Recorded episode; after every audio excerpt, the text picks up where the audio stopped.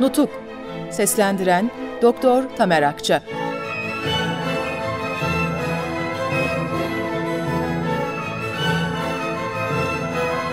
23. Bölüm Erzurum'dan ayrılma gereği. Nihayet efendiler, Ağustos içinde her yerden bir takım temsilcilerin Sivas'a doğru yola çıktıkları ve kısmen Sivas'a gelmeye başladıkları anlaşıldı. Sivas'a gelen temsilciler tarafından bizim Sivas'a ne zaman hareket edeceğimiz sorulmaya başlandı. Artık Erzurum'dan ayrılmak gerekiyordu. Fakat şimdiye kadar verdiğim bilgilerden anlaşılmıştır ki Sivas Kongresi Doğu ve Batı illeriyle Trakya'nın yani bütün bir memleketin birliğini sağlamak gayesini güdüyordu. Bu sebeple kongrede Doğu illerinin de temsilcileri bulunması gerekirdi. Bu illerden Sivas Kongresi için temsilciler seçtirmeye kalkışmaksa uygulanması bakımından değeri olmayan bir düşünceydi. Erzurum Kongresi'ni yapan temsilcilerin Sivas'a gönderilmesine kalkışmanın da mümkün olamayacağı anlaşılıyordu. Zaten Vilayet-ı Şarkiye Müdafaa-i Hukuk Cemiyeti adına kendi illerinden yetki almış olan bu temsilcilerin daha genel bir amaca yönelen yetkileri de yoktu. Bu bakımdan Erzurum Kongresi'nin Sivas Kongresi'ne doğudaki seçim bölgeleri adına bir temsilci heyet gönderme yetkisi alamayacağı da belliydi. Yeniden temsilci seçtirmeye kalkışmak pratik bakımdan ne kadar geçersiz idiyse bir takım teorik fikir çerçevesi içinde sıkışıp kalmak da o kadar geçersizdi. En basit ve çıkar yol Vilayat-ı Şarkiye Müdafaa-i Hukuk Cemiyeti'nin temsil heyetini Sivas'a götürüp kongreye katmaktan ibarettir. Üyelerden Mutki aşiret reisinin Mutki dağlarından çıkmaktan korktuğunu bilirdim. Siirt milletvekili Sadullah Bey de ortada yok. Servet ve İzzet Beyler kongre biter bitmez birer mazeretle Trabzon'a gitmiş bulunuyorlar. Erzurum'da Rauf Bey ve Raif Efendi var. Raif Efendi de özür diliyor. Yolumuz üzerinde Erzincan'da Şeyh Fevzi Efendi'yi bulabileceğiz. Servet ve İzzet Beyleri davet ettim, gelmediler. Raif Efendi'ye bizimle birlikte gelmesi için rica ettik, kabul etti. Nihayet heyeti temsiliye üyeleri olarak Erzurum'dan 3 kişi, Erzincan'dan 1 kişi ve Sivas'ta bulduğum Bekir Sami Bey ile 5 kişi olduk. Sivas Kongresi'ne katılan temsilcilerin ellerindeki kartları inceleme gereği duyulduğu zaman ben orada şöyle bir belge hazırladım ve altına heyeti temsiliyenin mührünü bastım. Heyeti temsiliyeden Mustafa Kemal Paşa, Rauf Bey, ulemadan Raif Efendi, Şeyh Fevzi Efendi, Bekir Sami Bey.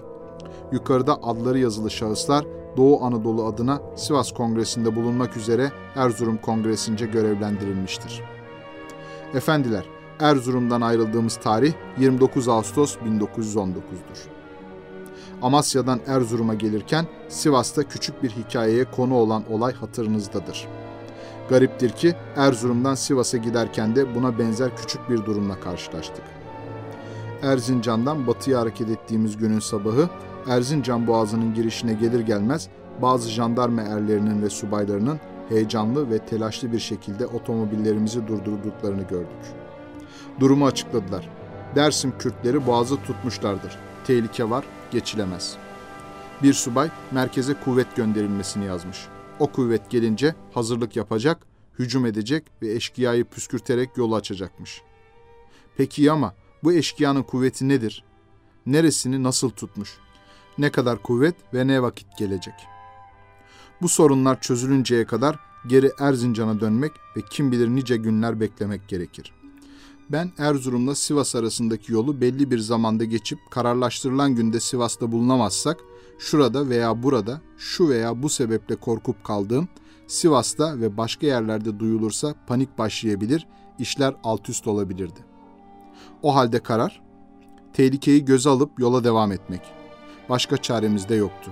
Yalnız ufak bir tedbir almayı uygun buldum hafif makinalı tüfeklerle silahlanmış olan fedakar arkadaşlarımızdan birkaçını bir otomobille kendi otomobilimizin önüne geçirdik. Sağdan soldan gelecek uzak mesafedeki ateşlere aldırış etmeyerek otomobiller yol üzerinde hızla ilerlemeye devam edecekler. Vurulan, ölen olursa onlarla meşgul olunmayacak.'' tam yol üzerinde veya yakınında yolu kapamış olan eşkıyaya rastlanırsa hepimiz otomobillerden atlayacağız ve bunlara hücum ederek yolu açacağız. Kalanlar tekrar kullanılabilir durumdaki otomobillere binerek ve hızla uzaklaşarak yola devam edecekler. İşte verilen emir de buydu. Bu tedbiri ve bu tarzdaki hareketi yerinde ve emniyetli görmeyenler bulunabilir. Gerçi bu tarihlerde Elazığ valisi Ali Galip Bey'in Dersim'de dolaştığı, bazı propaganda ve tertiplere giriştiği bilinmekteyse de açıklayayım ki ben önce Boğaz'ın gerçekten tutulmuş olduğuna inanmadım. Bunu İstanbul hükümetine hizmet edeceklerini tahmin ettiğim bazı kimseler tarafından sırf beni geri dönmeye mecbur etmek için kurulmuş bir plan olarak kabul ettim. İkincisi, eğer Dersim Kürtleri boğazı tutmuşlarsa bunların alabilecekleri tertibatın uzak tepelerden yola ateş etmekten ibaret kalması bence çok muhtemeldi. Özet olarak yürüdük, boğazı geçtik ve 2 Eylül 1919 günü Sivas'a vardık.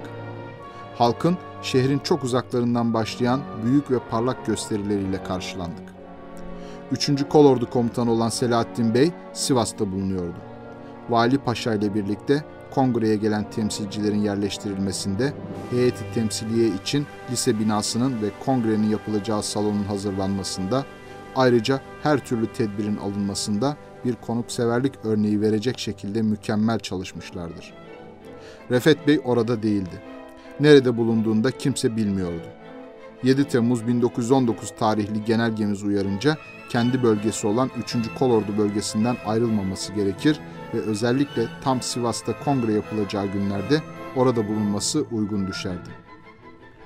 Haberleşme sonunda kendisinin Ankara'da olduğu anlaşıldı. Ankara'da Kolordu Komutanı Ali Fuat Paşa'ya derhal ve mutlaka Sivas'a gönderilmesini emretti. 7 Eylül'de geldi ve heyeti temsiliye üyesi olarak tarafımdan kongre heyetine takdim edildi. Efendiler, bizden önce gelmiş olan temsilciler gelişimizi beklerken aralarında toplantılar yapmışlar ve hazırlık olarak bazı tasarılar kaleme almışlar. Bizim gelişimizden sonra da bazı özel toplantılar ve görüşmeler yapılmış. Bu defa bazı kararlar da verilmiş. İzin verirseniz çok karakteristik olduğu için bu noktayı açıklayayım.